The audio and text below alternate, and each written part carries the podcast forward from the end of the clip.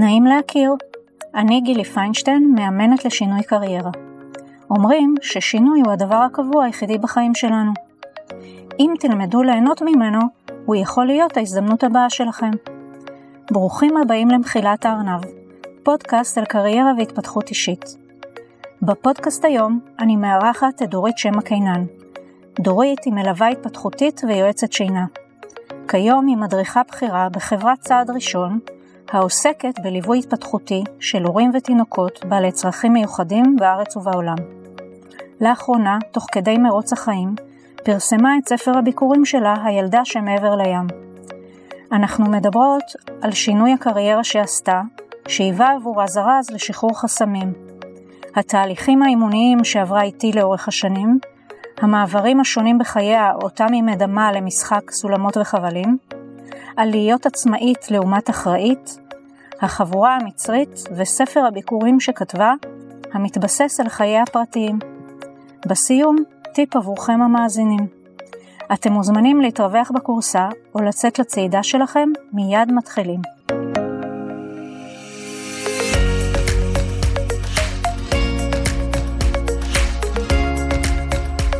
שלום דורית שמע קינן, ברוכה הבאה למחילת הארנב. שלום גילי. אנחנו נפגשות היום כדי לדבר על שינוי קריירה כזרז לשחרור חסמים. אבל נתחיל בכך שתציגי את עצמך. מי את, דורית שמע קינן היום? אני דורית שמע קינן, אני אימא לשני בנים. יאלי בן 24 והוא שנה שלישית ברימון, וגוני הוא בצה"ל. אני מלווה התפתחותית ויועצת שינה. בגישת ובשיטת צעד ראשון, אני מלווה משפחות בארץ ובחו"ל עם ילדים עם צרכים מיוחדים. רק ילדים עם צרכים מיוחדים? כרגע רק ילדים עם צרכים מיוחדים בארץ ובעולם, ובאופן פרטי אני לוקחת ייעוצי שינה בישראל, משפחות אה, נורמטיביות. גילוי נאות, שאת וגם אה, גדי בעלי, אתם חלק מקבוצת ילדי החבורה המצרית, חבורת בני נוער שעלו בעליות השונות ממצרים, וברבות הימים הפכו להיות משפחה אחת. אנחנו נדבר על זה בהקשר של הספר שכתבת ויצא לאחרונה לאור, אבל לא נקדים את המאוחר. אז איפה נולדת? אני נולדתי בחולון, להורים מקסימים. אבא שלי עלה ממצרים, ואימא שלי, פחות או יותר ידידת הארץ, היא הגיעה מטורקיה שהייתה ממש ממש תינוקת. ואיפה גדלת? גדלתי בחולון, למדתי בבית ספר שפרינצק, הייתי במטרני, ורוב שנותיי הייתי בנוער העובד והלומד כן חולון ייחוד. ולמדת איזה משהו שהעיד על הכיוון שלך בהמשך בתיכון? כן, הייתה מגמת אה, אדריכלות בתיכון, ולמדתי שם עיצוב ואדריכלות, ובהמשך זה מאוד השפיע על החיים שלי. אני מבינה שבהמשך למדת בבצלאל, נכון? נכון. שזה חלק ממה שאמרת לפני רגע שהתיכון השפיע. נכון. ספרי על זה קצת. אחרי הצבא החלטתי שאני רוצה ללמוד עיצוב, כי התחום הזה מאוד מאוד משך אותי. עשיתי אה, מכינה אצל בחור בשם דורון קאופמן במשך שנה להכין את עצמי לבצלאל. מה זה אומר להכין את עצמך לבצלאל? עושים קורס הכנה, זה להכין תיק עבודות, זה להכין אה, את הפרויקט גמר, זה ללמוד תולדות האומנות לפני, לבוא מוכן. את הקורס הזה עשיתי עם אה, רונן. אה, לא ידעתי. כן, אני, אני משכתי אותו לשם. יפה. כן. אז uh, ספרי קצת על בצלאל. אני בבצלאל הייתי שנתיים, התקבלתי מתוך 400 אנשים ל-40 איש התקבלו לתוכנית שנקראת עיצוב תעשייתי. זה היה באוניברסיטה העברית, היום הם כבר עברו למקום אחר. מאוד אהבתי את המגמה, אבל לא אהבתי את הגישה של אה, בצלאל. הם עובדים שם בלחץ נוראי. עבודות על עבודות, אתה לא ישן בלילה, אתה מקבל כל הזמן ביקורות, ואני הייתי מאוד יצירתית, אבל מאוד חסומה בגישה הזאת של הלמידה. אני מבינה שהיום הם בגישה אחרת, קצת יותר לתת מרחב לסטודנטים כדי שתתפתח כן היצירתיות ולא יהיה איזה לחץ כזה. וכמה זמן זה הלימודים האלה? הלימודים האלה ארבע שנים. באותה תקופה מי שהיה בעלי קיבל אה, הצעה לעבור לבריסל. תוך כדי הלימודים? תוך כדי הלימודים שלי, הוא כבר התקבל לעבוד בסייטקס. זה לקח קצת זמן, אבל אה, כשאני הבנתי שהלימודים האלה לא תואמים ואני לא מצליחה להיות יצירתית ולהתפתח שם, קפצתי על המציאה ותוך שנה עזבתי את אה, בצלאל ועברנו לגור בבריסל. אני כבר הגעתי לבריסל עם תינוק קטן, הייתה לי תשוקה מאוד גדולה להמשיך ללמוד. זה שהמסגרת בבצלאל לא התאימה לי, זה לא אומר שחשבתי שאני הפסקתי כאן ללמוד. וחיפשתי לי לימודים אחרים. ומצאתי את בית ספר לקולינריה הגדול של בריסל. רגע, עכשיו אנחנו עוצרות. מה הקשר בין לימודי עיצוב תעשייתי לבין הקולינריה? איך עשית את המעבר הזה? אותו דבר, רק החומר שונה. כל המרכיבים היו ממש אותו דבר. הדבר היחיד שהיה שונה, החומר והטעם שנוסף. תרחיבי קצת על מה היה דומה. בבצלאל עבדנו המון על קומפוזיציה, על שילוב של צבעים, על סוגים של מרקמים, של חומרים. בעצם בקונדיטורה היו לי את אותם דברים, רק מה שנוסף לי זה גם הטעם. והמקום שהמוצר שלי מתכלה בסוף. זאת הסיבה שהושבתי אדריכל עם קונדיטור בתוך משרד אחד, דרך אגב. זה הגיוני שעשית משום שזה שני עולמות שקרובים אלייך, אז היה לך קל מאוד לכתוב את זה בספר. הם גם קרובים אחד לשני. זה כן. גם קלוד אומר את זה דרך אגב. כולנו יצירתיים, רק תלוי איזה חומר אנחנו משתמשים. זה לפחות מהות החיים שלי. למדתי שם שלוש שנים, התעסקתי המון המון המון בקינוחים, בשוקולד ובאפיית לחמים. ואחרי שלוש שנים, בהמלצת המורים שלי, התקבלתי לעבוד אה, בסטאז' במקום מגניב, שהיום כבר לא נמצא, בבריסל, קוראים לו מיו. באותה תקופה שסיימתי ללמוד, היה לי עוד תינוק, ויצאתי לסטאז' בשלוש בבוקר, שלוש פעמים בשבוע, ללמוד את הפרקטיות של המקצוע, לא רק ללמוד אותו. ואיך הסתדרת עם כל העומס הזה? אני רק רוצה להגיד בבית? שבמקביל גם עבדתי במשרד ראש הממשלה בבריסל, והיו לי שני ילדים, עבדתי במשרד ראש הממשלה חצי משרה, ועבדתי במיו שלוש פעמים בשבוע, וגם למדתי קודם, והכל הסתדר כמו כאן, בחיים האלה, שאתה עושה כמה דברים במקביל. אוקיי, okay, ואחרי שעשית את הסטאז'? אחרי שעשיתי את הסטאז' החלטנו לעלות לארץ. ילד אחד היה כבר בכיתה א', והחלטתי שזה הזמן ללכת. ואספנו את הדברים שלנו וחזרנו לארץ. אני חוזרת לכאן עם שני ילדים ומקצוע. בטוחה שאני הולכת להתעסק במקצוע הזה. כי יש לי מקצוע, עשיתי סטאז', יש לי תיק עבודות מאוד יפה, יש לי אישור לעבוד בכל אירופה, כי ככה יוצאים מבית ספר לקולינריה באירופה, אתה מקבל אישור, רישיון לעבוד באירופה. זה מה שחשבתי שהעתיד שלי צופן לי. כשחזרנו לארץ חוויתי משבר זוגיות. באותה תקופה הילדים כבר היו אחד בן שבע ואחד בן שנתיים. והבן זוג שלי דאז החליט שהוא חוזר לגור בבריסל, ואני נשארתי כאן בארץ עם שני ילדים. באותה תקופה לא הייתה לי עבודה מסודרת, לא היה לי בית, ונשארתי עם שני ילדים קטנים, ולא הייתה לי פרנסה. מה עשית? יש לי שני חברים אה, מאוד טובים שהכרתי אותם בבריסל, והם הציעו את ההצעה הכי טובה שהם יכלו לתת לי. הם הציעו ללכת לרעיון עבודה במקום שהם מכירים את הבוס. פה בישראל. כאן בישראל, קרוב לבית שלי, שאני אהיה קרובה לילדים, במשכורת די בסיסית הייתה בהתחלה. העיקר שתהיה לי איזושהי פרנסה עד שאני אתארגן ועד שאני אארגן את הילדים שלי בארץ. אז גרת אצל ההורים? גרתי בדירה שכורה, כאן ביישוב שלי, במתן, והייתי צריכה למצוא דירה אחרת כדי שיהיה לנו בית חם להמשך החיים שלנו. באותה תקופה מצאתי בית, קניתי בית, עבדתי במשרד, זה היה קרוב לבית, ככה. רגע, בקולינריה? לא. במשרד. לא קשור לשום דבר שאני עושה בחיים שלי. אני זונחת את החלומות שלי ומתחילה מההתחלה. בחיים שלי היה איזה סוג של סולמות וחבלים. טיפסתי, טיפסתי, טיפסתי על סולם והיה חבל כזה שאופ, התגלצ'תי למטה. והחלטתי שהכל בסדר, שאני קודם כל דואגת לבית ולילדים ואני שמה את החלומות שלי בצד. הבנתי שאני לא אוכל להגשים את החלום שלי לעבוד בקולינריה סלש עיצוב קולינרי, ואני אצטרך לתת את השנים האלה לילדים שלי, מצד אחד. מהצד השני, הבנתי שהמקום, המשרד שאליו הגעתי, לא תואם לכישורים שלי, ואני לא מממשת שם את כל הפוטנציאל שלי. אבל, לא היה לי משהו אחר. ידעתי רק לעשות קולינריה, זה מה שלמדתי, אני יודעת עיצוב, ולא הצלחתי להבין מה הדבר הבא שאני הולכת לעשות בחיים שלי.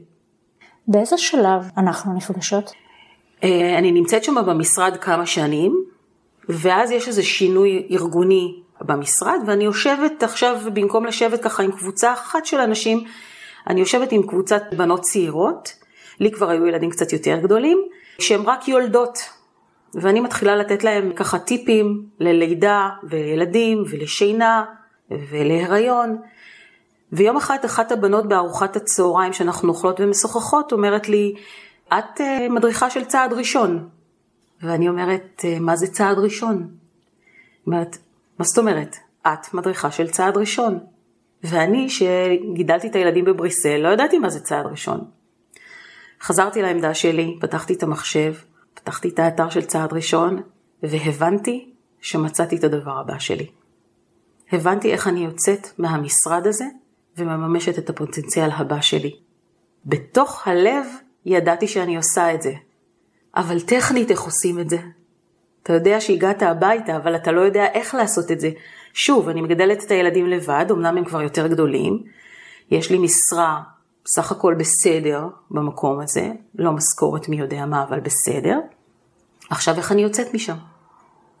אני זוכרת שנפגשנו בשבעה של מרים. נכון. שגם היא מופיעה בספר שנדבר עליו אחר כך. נכון.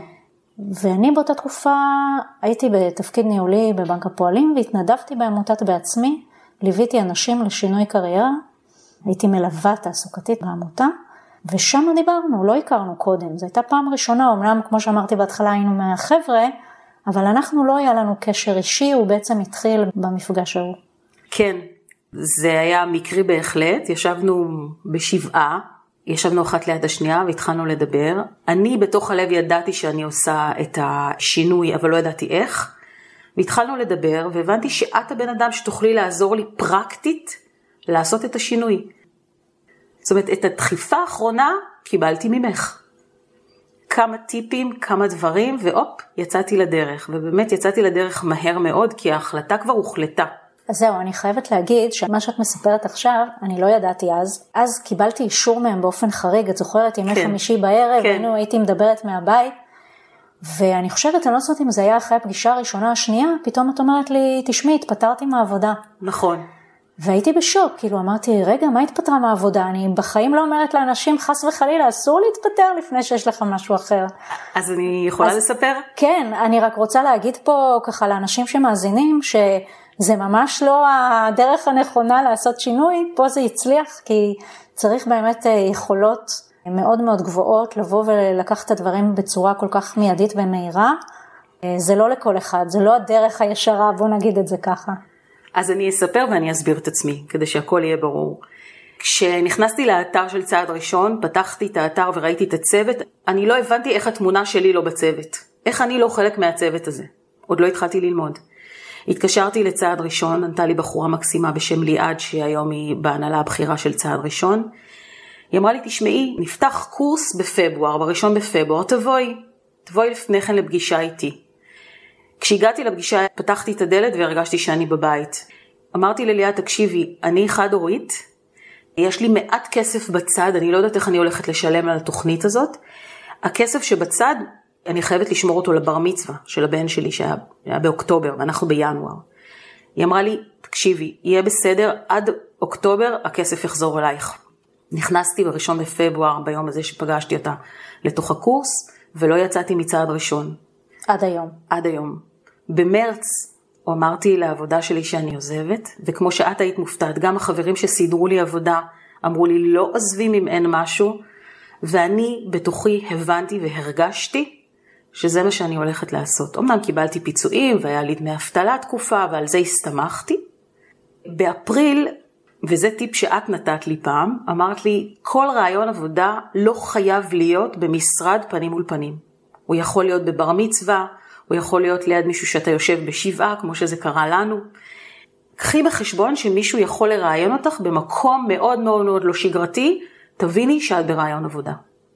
זה בדיוק מה שקרה. באפריל הצטרפתי לקבוצת המדריכות של צעד ראשון, רק כדי להסתכל עליהן, רק כדי להיות אסיסטנטית, להבין אם זה בכלל מתאים לי, ועשיתי שם כל מה שביקשו ממני. באתי בחינם, והייתי שם משמרות על גבי משמרות, עם משפחות שהגיעו לארץ מחו"ל עם ילדים עם צרכים מיוחדים. אולי אנחנו רגע נעצור ותסבירי את הסיפור הזה של צעד ראשון, איך הוא עובד ככה, כי אנשים לא מכירים. צעד ראשון, שיטה שהבסיס שלה הוא על פלדנקרייז, הוא מטפל בילדים עם צרכים מיוחדים. יש לנו המון לקוחות שמגיעים מחו"ל, ואנחנו גם נוסעים אליהם אנחנו מלווים אותם במשך שבוע, ואנחנו מעבירים את הילד שלהם משלב התפתחותי אחד לשלב התפתחותי הבא שלו, כי ילדים עם צרכים מיוחדים לא מצליחים לעשות את זה בעצמם. וזה לקוחות חוזרים, אנחנו עובדים איתם די הרבה זמן, עד שאנחנו מגיעים למימוש הפוטנציאל של הילד. אנחנו לא תמיד יודעים מה הפוטנציאל של הילד, אז ככה שאנחנו ממשיכים. אני חוזרת לעניין של אפריל, באפריל אני מצטרפת לאחת הבנות שמדריכה בצעד ראשון, פגישה שלנו היא בג'ימבורי עם המשפחה, ומצטרף שי זילברבוש שהוא מפתח השיטה, הוא שואל אותי מי אני ומה אני עושה פה, ותוך כדי השיחה בגרביים, בג'ימבורי, בארנה, אני מבינה שאני בריאיון עבודה. זה בדיוק מה שקרה לי. הוא שאל אותי אם אני פנויה לנסוע לחו"ל, ואני מיד אמרתי שכן. לא חשבתי עדיין על הילדים, לא חשבתי איך אני מארגנת את הבית, איך אני משאירה את כל העניינים. אמרתי שכן. במאי התקשרה מישהי מהמשרד וביוני בפעם הראשונה נסעתי למשפחה בתור אסיסטנטית שמישהי ליוותה אותי מהארץ ללוות משפחה שבועיים בשוויץ ומאז זה מה שאני עושה. היום אמנם לא כאסיסטנטית, היום כמדריכה בכירה בצעד ראשון, אבל זה מה שאני עושה. במקביל פיתחתי לי בתוך העסק הפרטי שלי גם לקוחות פרטיים, גם בליווי התפתחותי של תינוקות, שהם עם עיכוב התפתחותי ולא צרכים מיוחדים, וגם ייעוצי שינה, שזה אני עושה כאן בארץ. זאת אומרת, הקפיצה שלי הייתה מתוך הלב, היא הייתה חישוב אה, מושכל כזה, עם עזרה מאוד גדולה שלך, כי נתת לי את הכלים הנכונים לעשות את זה, ופשוט קפצתי למים. כדי לסגור מעגל, כמובן שהיום התמונה שלי נמצאת כמדריכה בצוות צעד ראשון, מי שיפתח את האתר של צעד ראשון יראה אותי שם. מה קרה בקורונה? בדיוק לפני הקורונה העסק שלי הפך להיות מעוסק פטור לעוסק מורשה, ואני לא קוראת לעצמי עצמאית, אני קוראת לעצמי אחראית. מה זאת אומרת? אני מרגישה שהמילה עצמאי היא לא מבטאת את מה שקורה לי בחיים. אני אומנם עצמאית מבחינת המדינה, אבל אני אחראית, אני אחראית לסדר היום שלי, אני אחראית לאיזה לקוחות אני לוקחת, אני אחראית לכמה אני לוקחת. אה, אני אחראית אה, לשלם מיסים, לשלם מע"מ, אני אחראית על איך ייראה השבוע שלי, איך תיראה הנסיעה הבאה שלי, אם אני אקח את הנסיעה הבאה שלי לחו"ל, וכמה נסיעות אני אקח. ואיזה בלנס אני אעשה בין הדברים שאני רוצה לעשות בחיים הפרטיים שלי, לבין החיים המקצועיים שלי. אני לוקחת את מה שאת אומרת ואני קצת מרחיבה אותו. אני מאוד אוהבת את ההגדרה הזאת של אחראית. נכון שהיא אולי יותר לכאורה מתאימה בקטע של עצמאות, אבל היא טובה גם לשכירים. זאת אומרת, אם מי שמאזין לנו הוא שכיר, להיות אחראי על החיים שלך זה דבר טוב ונכון, אה, לא משנה איך ומה אתה עושה, איפה אתה עובד. את צודקת. כשאני הייתי שכירה, הרגשתי שמישהו אחר מנהל לי את החיים ומישהו מאחר מנהל לי את סדר היום. לא הצלחתי לנהל את סדר היום בעצמי כי הייתי צריכה להיות בין שמונה לחמש במשרד, אחר כך חזרתי הביתה למשרת האם שלי, כביסה, חוגים וכולי.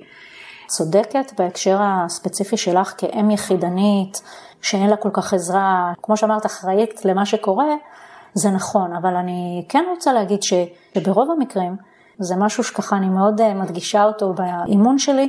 אני חושבת שכולנו יכולים להחליט לסדר את הלו"ז השבועי שלנו יותר טוב. שיחתנו עצמאית לעצמאית, אבל אני גם אומרת לשכירים שעדיין אם אתה שכיר או שכירה, יכול, יכולה עדיין לנסות לפחות לבנות לך את השבוע בצורה כזאת שהיא תספק צרכים שהם לא רק עבודה. אני מסכימה שרוב הזמן הוא עבודה, שהמיינד שלנו הרבה בעבודה, אבל עדיין חייבים אה, להכניס בפנים דברים של הנפש, של המשפחה, של החברים, של היצירתיות. את חשוב. אומרת לקחת אחריות גם כשאתה שכיר. בהחלט, בהחלט. כן. אז נחזור לקורונה. הייתי אחראית עכשיו, כשהפסיקו לי הנסיעות לחו"ל, לייצר עבודה. אני עומדת בפני עצמי ואני צריכה לייצר עבודה, מה גם שדקה לפני הקורונה הפכתי להיות עוסק מורשה. עכשיו אני צריכה להוכיח את זה גם. כמובן שנשארתי בצוות צעד ראשון, החלטתי שזו תהיה הפרנסה שלי, ולא משנה מה יקרה עם צעד ראשון, קרו המון דברים בצעד ראשון, ואני המשכתי לעבוד בזום, וליוויתי משפחות של ילדים עם צרכים מיוחדים, כמו שהייתי נוסעת, פשוט עשינו את זה בזום. זה דבר אחד. הדבר השני, החלטתי שאם כבר אנחנו נשארים בבית והזמן שלנו לא מתבזבז על נסיעות, על פגישות, לעשות דברים שחלמתי לעשות אותם ולא היה לי זמן אליהם. אז התחלתי לכתוב את הספר.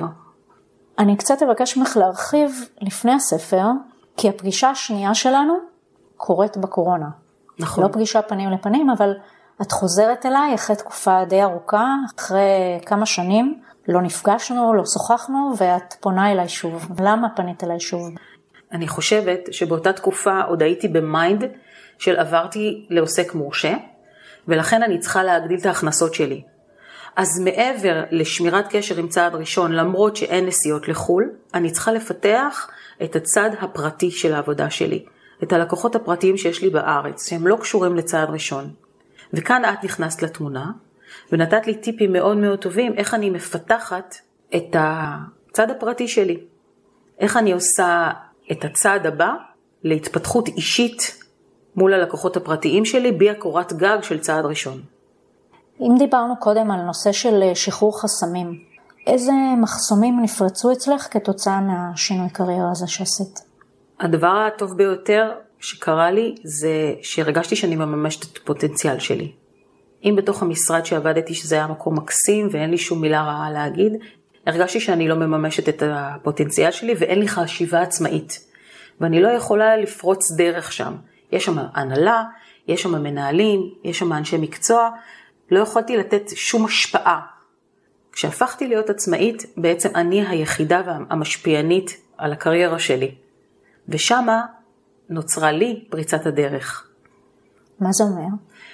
זה אומר שהבנתי שאני יכולה לחלק את הזמן שלי בין אה, חו"ל לישראל. זה אומר שאני יכולה לחלק את הזמן שלי בין עשייה אה, שמכניסה כסף לעשייה שלא מכניסה כסף. אלא לדברים שאני רוצה. שנים רציתי לגלוש על סאפ, ולא עשיתי את זה, כי עבדתי משמונה עד חמש, ולא היה לי זמן, ופתאום היה לי זמן גם להכניס את זה. התחלתי להכניס תחביבים, וחזרתי לכתוב, דברים שרציתי מאוד מאוד לעשות כל החיים, אבל החיים משכו אותי לדברים שהיו לכאורה חשובים מאלה. מה זאת אומרת חזרתי לכתוב? לא כתבתי תמיד. ברגע שהיה לי סיפור התחלתי לכתוב. ב-2011 נפטר חברי הטוב רונן פורט מ-LS, גילוי נאות, אני ואת מכירות אותו, היינו באותה חבורה. הוא נפטר ב-31 בינואר, ובראשון בפברואר הוא נקבר, ואני, כשהייתי בלוויה, אמרתי לעצמי, כל החוויות ילדות שלנו חייבות להיכתב. כי פתאום לא היה לי את רונן לצידי, שאוכל להתקשר אליו ולומר, רגע, אתה זוכר שקרה כך או כך? ובעצם אם אני לא אהיה, אז מי יספר את הסיפור שלנו?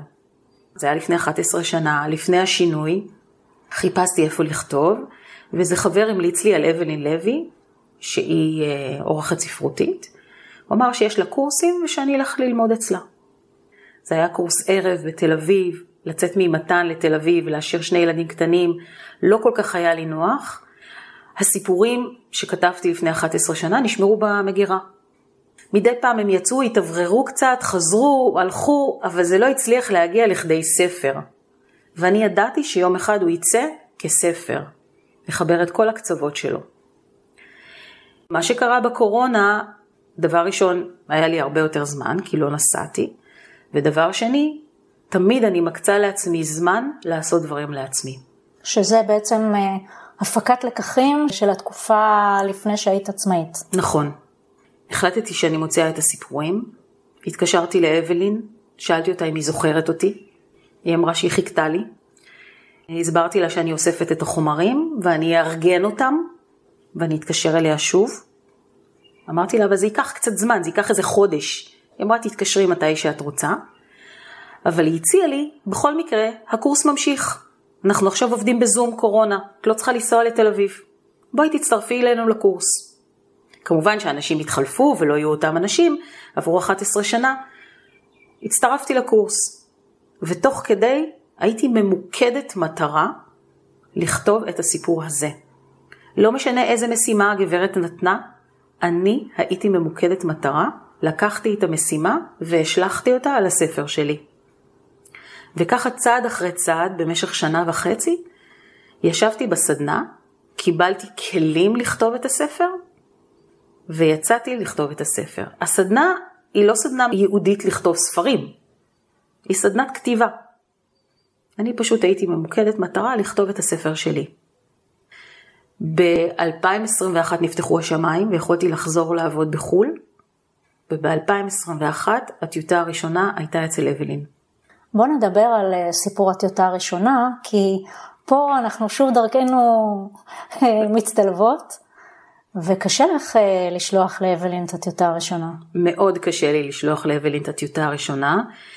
במשך שנה וחצי, אמנם הייתי בקורס של אבלין, הוא נפתח אחר כך מחוץ לזום, נסגר, חזרנו לזום, אבל אני לבד, אני לבד בבית, אני לבד כותבת, אני לבד מדברת לעצמי. אין אף פידבק מאף אחד במשך שנה וחצי. הספר נמצא לי על השולחן, בתוך המחשב כמובן. אה, אני רואה אותו ואני לא יודעת אם הוא קריא. אף אחד לא נתן פידבק. זה רק אני מול עצמי. שאלתי את עצמי, האם זה באמת ספר? מה לי ולכתוב ספרים? מה, איך אני יודעת? מה, אף פעם לא עסקתי בזה, לא למדתי את זה. מה זה קשור אליי?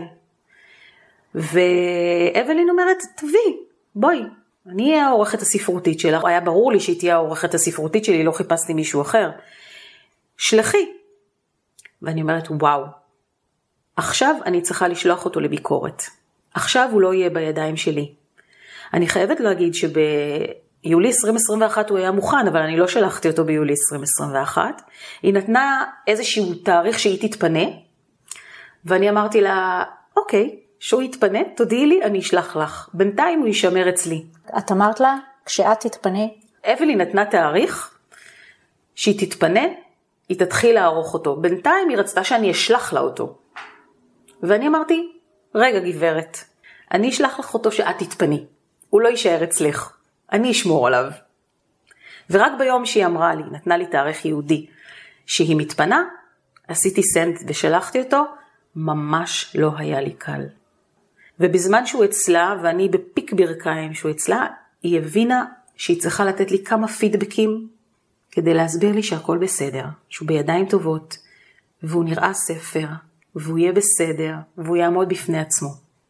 אז בעצם, אם אמרנו קודם שמחסום אחד היה כשעזבת את העבודה כשכירה ועברת לעצמאית, בעצם פה אנחנו מדברים על איזשהו מחסום אה, נוסף שנפרץ, שזה עצם הכתיבה של הספר. כאילו 11 שנה מחכה הספר, עברת את המחסום, כתבת את הספר. ואז יש מחסום נוסף, שהוא בעצם לאפשר לאבלין, שכל רצונה הוא לעזור לך ולערוך את הספר, להיות מסוגלת לשלוח אליה. זה, זה בעצם עוד מחסום שהיית צריכה... זה היה המחסום הראשון. המחסום הבא היה איך עוד אנשים יקראו אותו. נגיד שלאבלין עוד אפשרתי לקרוא, כי היא הייתה חלק והיא שמעה חלק מהסיפורים שלי במהלך הסדנה שלה. היא ידעה פחות או יותר על מה מדובר, אבל איך שולחים אותו הלאה. בטיוטה הראשונה של אבלין, היא שואלת אותי אם אחת המילים שם, התכוונתי לכתוב אותם לעצמי. ואני הייתי בשוק מההערה, ולא ידעתי איך להגיב. אז בהערת צד כתגובה, רשמתי לה אבלין היא יקרה, אני 60 אלף מילים כתבתי לעצמי, אני לא מבינה למה נתפס דווקא על המילה הזאת. ולשתינו הייתה הערה מאוד גדולה. אני הבנתי שהיא חושבת שהספר יפורסם, והיא הבינה שאני חושבת שהספר לא יפורסם. והיא עשתה מהלך מאוד יפה והיא אמרה לי, תקשיבי, אני מבינה שכתבת אותו לעצמך, אנחנו נעשה את זה לאט לאט. אני אסיים לערוך אותו והוא יישאר אצלך במגירה. אם תרצי, נעשה עריכה לשונית. ואם תרצי אחר כך נעשה עותק אחד, ואחר כך תחליטי אם תרצי לעשות עוד עותקים. וזה די הרגיע אותי שאנחנו עושים את זה בשלבים. איך חבר אמר לי, שיטת הסלאמי, היא לקחה אותי בשיטת הסלאמי. לאט לאט קידמה אותי לעבר המטרה. זאת השיטה לעשות דברים. קוראים לזה baby steps. קח את התוכנית הגדולה, תפרק את זה לשלבים, זה נשמע מאיים, אבל אם אתה רק עושה את המשימה הראשונה זה לא כל כך נורא, ואחרי שסיימת אותה רק את השנייה. זה מה שהיא עשתה לי. כמובן שאני הבנתי שבסוף זה יפורסם, אבל היה לי הרבה יותר קל לקבל את השלבים האלה. אנחנו מסיימות לעשות את הפינג פונג הזה שלקח כמעט שנה של העריכה הספרותית.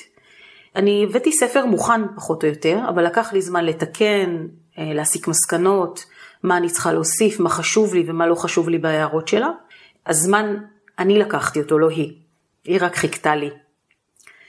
וכשהוא היה מוכן מבחינה ספרותית, אמרתי לעצמי, איך יישב במגירה בלי פסיקים ונקודות, בלי מרווחים נכונים? אם כבר נשאיר אותו במגירה, נשאיר אותו מסודר. מזל שאת פרפקציוניסטית. אז אבלין אמרה, אוקיי, יופי, היא עלתה עוד מדרגה. אמרתי לה, תשלחי. שלחנו את זה לעורכת לשונית, אפרת שחר, ואפרת שחר הייתה השנייה שקראה את הספר. היא לא מכירה אותי אפרת, היא לא שמעה עליי אף פעם. אין לי מושג מי זאת האישה הזאת, עד היום לא פגשתי אותה.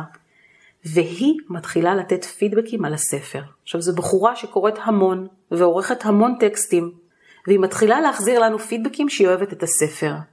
אז אמרתי לעצמי, אוקיי, אם מישהו מבחוץ נותן פידבק טוב, אז כנראה שאני בסדר. אז כנראה שהספר עובר.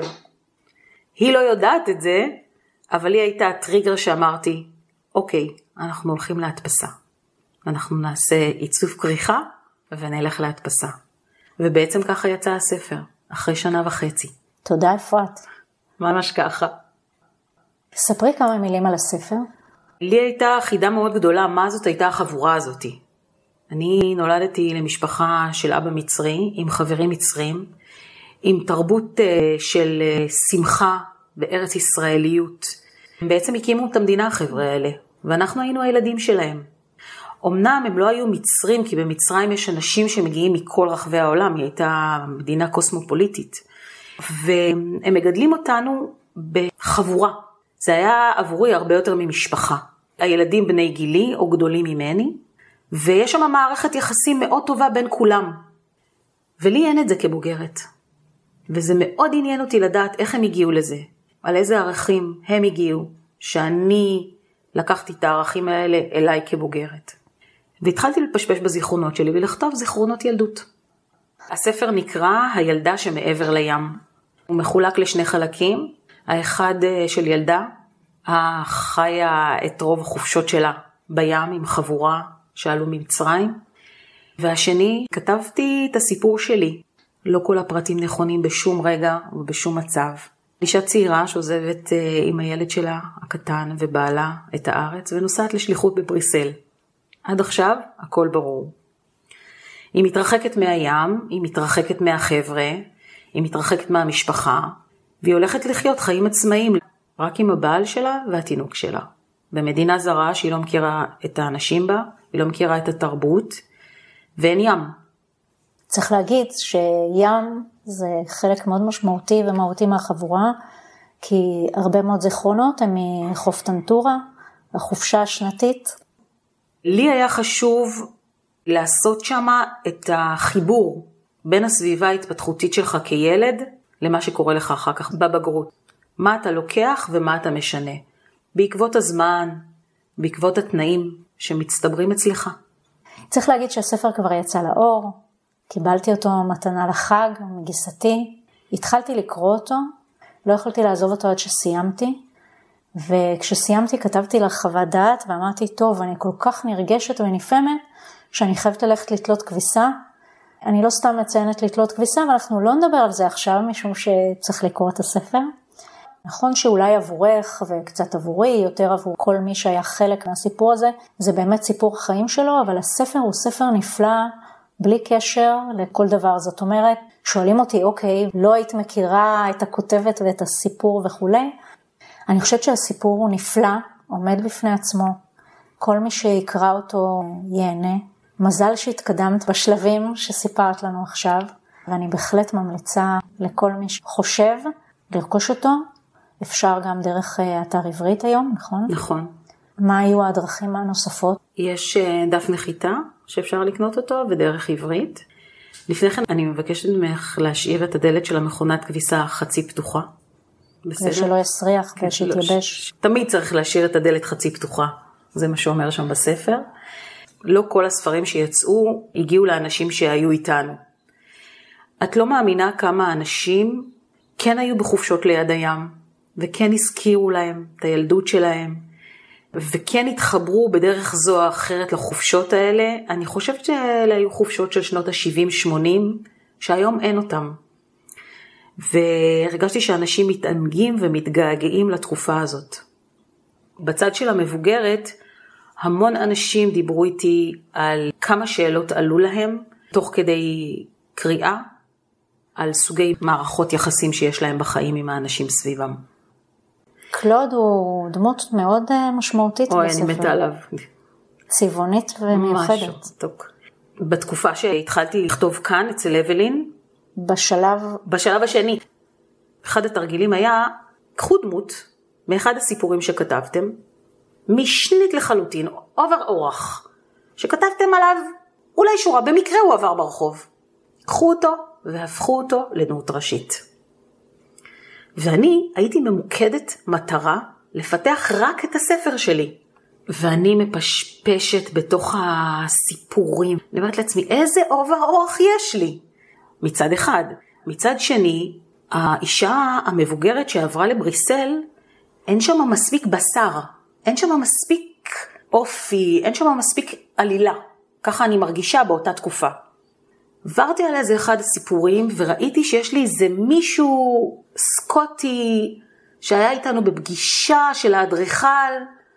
אמרתי לעצמי, רגע, למה סקוטי? מה לי ולסקוטלנד? אף פעם לא הייתי שם, אני לא יודעת על מה מדובר. מה הוא עושה שם?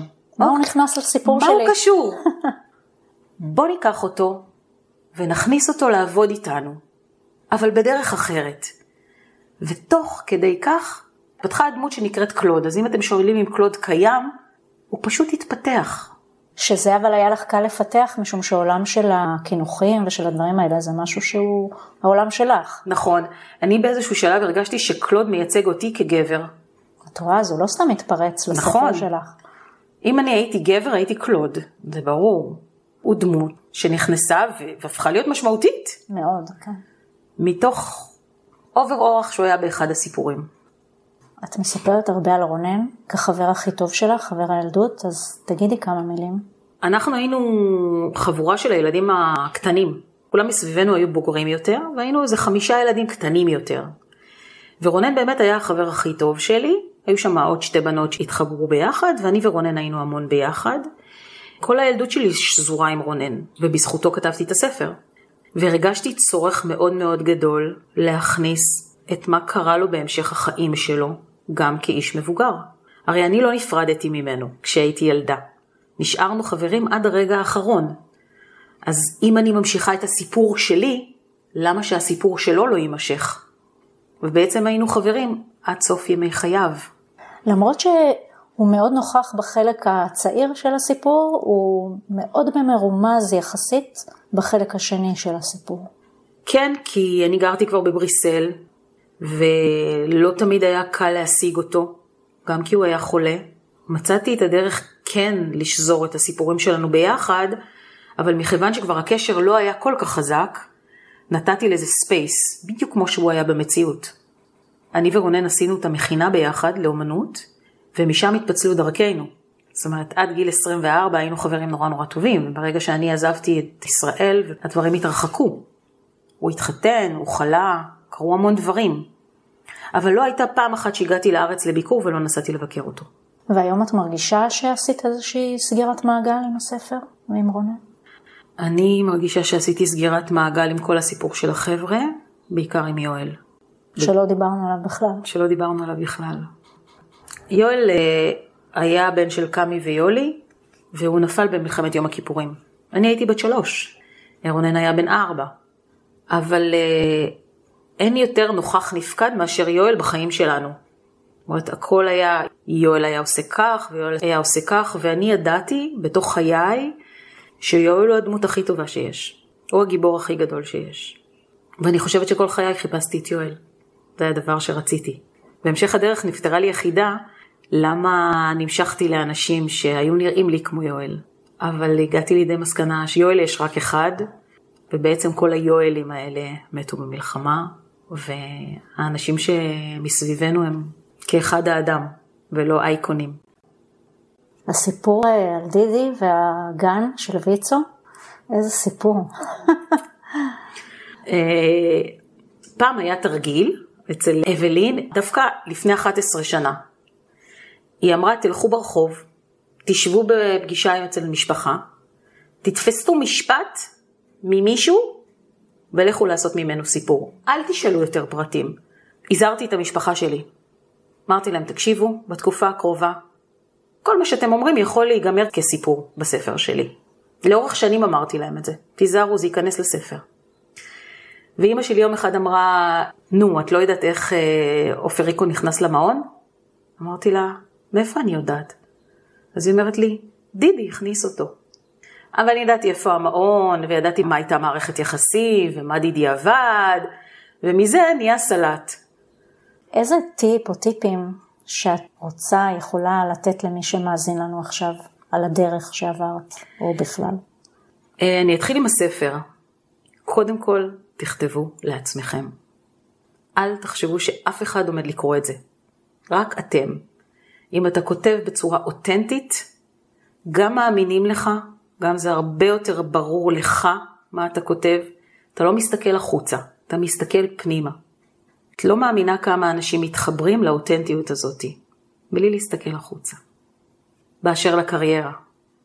בשלב מסוים אני הבנתי שירדתי בחבל. טיפסתי בסולם והתגלצתי למטה. אף פעם לא שכחתי שיש לי את הפוטנציאל לעלות למעלה בחזרה. שום דבר לא ייאש אותי. גם אם ידעתי שתקופה מסוימת אני עכשיו בשביל הילדים ובשביל לשקם את הבית ולהיקלט שוב בארץ ולהתחזק, ידעתי שאני לא אשאר שם. זאת אומרת, אני לא שכחתי אף פעם את הפוטנציאל שלי. וזה מה שהחזיק אותי, והתחלתי לטפס את הסולם בחזרה. מה התוכניות להמשך? יש ציפייה לספר נוסף, אבל... אה, כן, על זה בדיוק רציתי לדבר איתך. אבל אני עוד לא שם. אני צריכה לחפש את הסיפור הבא כדי לכתוב אותו. הייתי מוכנה לחזור על התהליך הזה, הפעם קצת יותר בשלה, יותר אה, אולי מבינה את התהליך. מה עם הסיפור על אישה שמחלקת את זמנה בין אה, עבודה בחו"ל לבין עבודה בארץ? יש פה הרבה סיפורים בתוך כן. הליווי שאת עושה וכולי, אני בטוחה. אני בטוחה, אני צריכה רק למצוא את האסנס, את, ה, את המקור, מה השאלה שלי בתוך הסיפור הזה, מה אני צריכה לפתור שם, ואז אני, אני אכתוב. רגע, לא יכול להיות מצב שתכתבי סיפור אה, שהוא לא אוטוביוגרפי או מתקרב לזה או קשור לחוויות אה, אישיות שלך? בספר הזה, בגלל שכתבתי אותו מחוויות האישיות שלי, הרגשתי שאני הרבה יותר מחוברת. אני צריכה למצוא את המקום או את הסיפור שאני אהיה מחוברת עליו כדי להמשיך לכתוב. אני לא יכולה לכתוב משהו דמיוני. אני יכולה לקחת אותו למקומות דמיוניים, אבל הבסיס צריך להיות איזושהי השראה שאני מתחברת אליה. אוקיי, okay, חוץ מהספר? אני ממשיכה להיות uh, חלק מצוות צעד ראשון, להמשיך לנסוע בחו"ל. אני כמובן אה, ממשיכה את הפרויקטים שלי עם לקוחות פרטיים בארץ. מחלקת את הזמן שלי מעולה בין חו"ל, ישראל, חברים, פרויקטים אישיים, סאפ. החלום הבא הוא אה, באמת לעשות איזשהו הדרכת טיפול במים, אבל אני לוקחת לי את הזמן. מעולה. יש שאלה שלא שאלתי אותך ואת רוצה שאני אשאל? אני רוצה לדבר על השמות בספר. הגעתי לאבלין ואבלין שאלה אותי מה עם השמות. אמרתי לה, מה זאת אומרת? כל השמות הם אה, אותנטיים לחלוטין. אז היא אמרה, זה לא עובד ככה. צריך לבקש רשות מאנשים. חזרתי הביתה ועשיתי החלטה. מי שנתן לי את אישורו, או ידע שאני כותבת ספר, או ידע שאני כותבת ספרים וסיפורים, אישרתי את השם שלו. ומי שלא ידע, שיניתי את השם שלו. וככה ידעתי שיש לי בלנס נכון. גם את השם של החם שלך השארתי, כי הוא ידע שאני כותבת, אמנם לא הספקתי לצערי לבוא ולראיין אותו. וקרו לי שני מקרים. מישהי קנתה את הספר ושלחה לי הודעה. היא שאלה אותי האם דידי פיינשטיין, החם שלך, עבד פעם באל על. ואמרתי לה, כן, מאיפה את מכירה? היא אומרת, פעם הוא היה הבוס שלי. אז זיהו אותו, ומאוד מאוד מאוד התרגשו מהסיפור, לא ידעו שהוא היה קצין, לא ידעו שהוא היה בכלא המצרי, ובטח לא ידעו שאחר כך הוא היה במשלחת ישראל עם מנחם בגין במטוס לשלום של מצרים. זה היה מדהים, מאוד מאוד מאוד התרגשה, זה אחד. והשארתי את השם של אה, ג'ו מוסטקי. חברה של חברה קנו את הספר, אני לא כל כך מכירה אותה, היא שמעה שאני כתבתי ספר, היא מיד קנתה אותו, ואחרי יום היא שלחה לי, אבל מוסטקי גר בבאר שבע והוא שר נפלא. אז אמרתי, זה לא המוסטקי שלנו, יש באמת בחור שהוא היה קרוב של מוסטקי, והוא באמת זמר, והוא באמת גר בבאר שבע, אבל הוא לא קשור אלינו. אז אנשים מתחברים לספר דרך השמות הפרטיים של האנשים, או דרך החוויות שלהם. כל שאר האנשים שלא מוזכר השם שלהם, אז יש פחות רפרנס, אני פחות מתחברים. דווקא שמחה שהשארתי את השמות. זה אנשים שיש לי במה להתגאות, שהם היו חלק מהחיים שלי, חלק מהילדות שלי. מקסים. תודה רבה. תודה לך. אהבתם? מוזמנים לעקוב אחריי גם באתר שלי. חפשו גילי פיינשטיין בגוגל. מתלבטים לגבי המשך דרככם המקצועית? מוזמנים לקבוע איתי שיחת מיקוד ללא עלות וללא התחייבות. תודה שהאזנתם, להתראות בפרק הבא.